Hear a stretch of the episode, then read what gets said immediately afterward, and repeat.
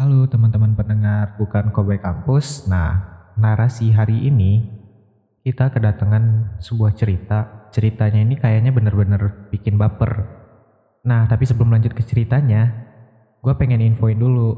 Jika ada dari teman-teman yang ceritanya pengen diceritain lagi, teman-teman bisa langsung DM ke Instagramnya Bukan Koboy Kampus. Dan teman-teman bisa nanya-nanya tentang info terkait. Oke, sekian infonya. Sekarang mari kita lanjutin ke ceritanya. Bang, backsoundnya dong bang. Biar yang denger jadi makin baper gitu. Nah, mantep dah. Yuk, mari kita mulai. Berdamai dengan patah hati. Dari Dwi Elida.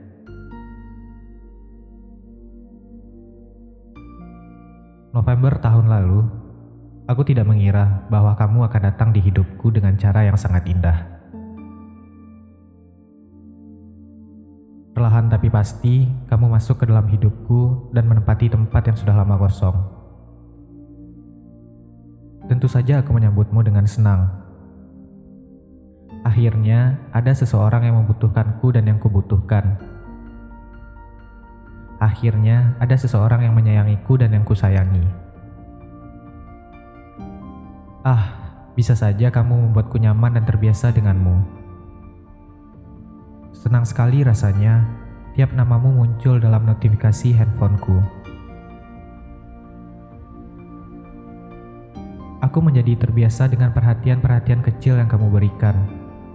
Hatiku sadar, aku bahagia ada seseorang yang selalu menungguku tiba di rumah. Dan sejak saat itu, hari-hariku dimulai dengan ucapan selamat pagi darimu. Menjalani hari bersama, kamu selalu menemaniku ke mana dan kapan saja, dan kamu selalu bisa kuandalkan. Waktu berlalu sangat cepat ketika aku bersamamu. Dari hari ke hari, rasa sayangku hanya bertambah besar kepadamu. Aku merasa kamu adalah hidupku. Kamu sumber kebahagiaanku. Dan aku sadar, aku takut kehilanganmu. Sangat takut. Aku takut kehilangan perhatianmu. Aku takut kehilangan rasa sayang yang kamu berikan selama ini. Bulan berganti. Hingga suatu saat, aku merasa kamu menjauh dariku. Dan pada akhirnya, ketakutanku pun terjadi. Dengan mudahnya kamu melepaskanku Aku benar-benar kehilanganmu. Pikiran dan hatiku bergejolak. Aku mulai menyalahkan diriku sendiri.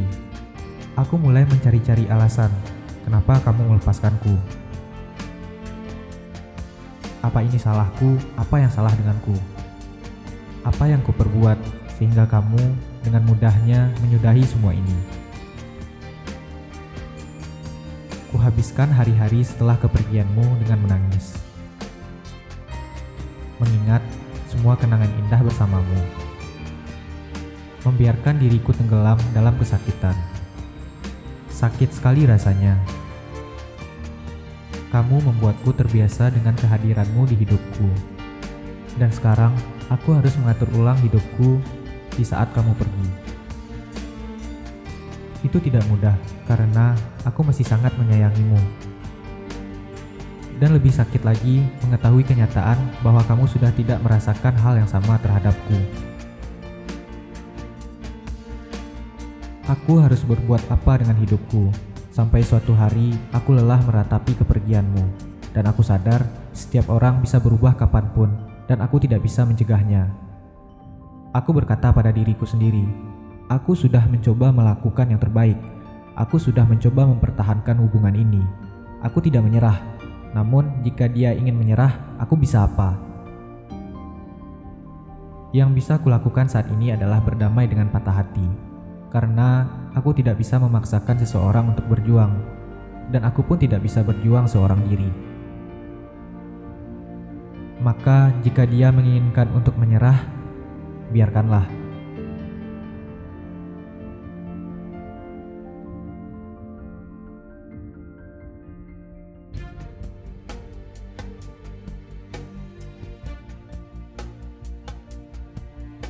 Jadi setelah gue baca cerita tadi, gue narik kesimpulan itu kalau kalau suatu hubungan yang memperjuangin itu cuma satu pihak, nggak ada salahnya dong kita buat berjuang dulu gitu. Nah, kalau kita udah berjuang dan hasilnya tetap cuma hanya dari satu pihak yang memperjuangin dan pihak satunya nggak memperjuangin, ya jalan satu-satunya ya kita cuma bisa berserah gitu. Dan setelah itu kita harus bisa berdamai dengan diri kita sendiri. So far cerita ini benar-benar bagus sih. Nah, jika teman-teman suka dari cerita-cerita yang saya bacain, gak ada salahnya dong buat nge-follow Spotify dan Instagramnya bukan Cowboy Campus. Jika teman-teman punya cerita menarik dan ceritanya pengen kami bacain di narasi hari ini, teman-teman bisa mengirim langsung ceritanya ke email bukan Cowboy Campus Nah, emailnya ada di profil Instagram bukan Cowboy Kampus.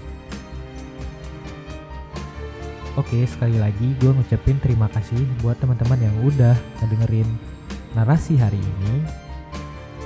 Dan semoga kalau nggak ada halangan, kita bakalan ketemu lagi di minggu depan. Sekian, gue Indo, undur pamit. Assalamualaikum warahmatullahi wabarakatuh.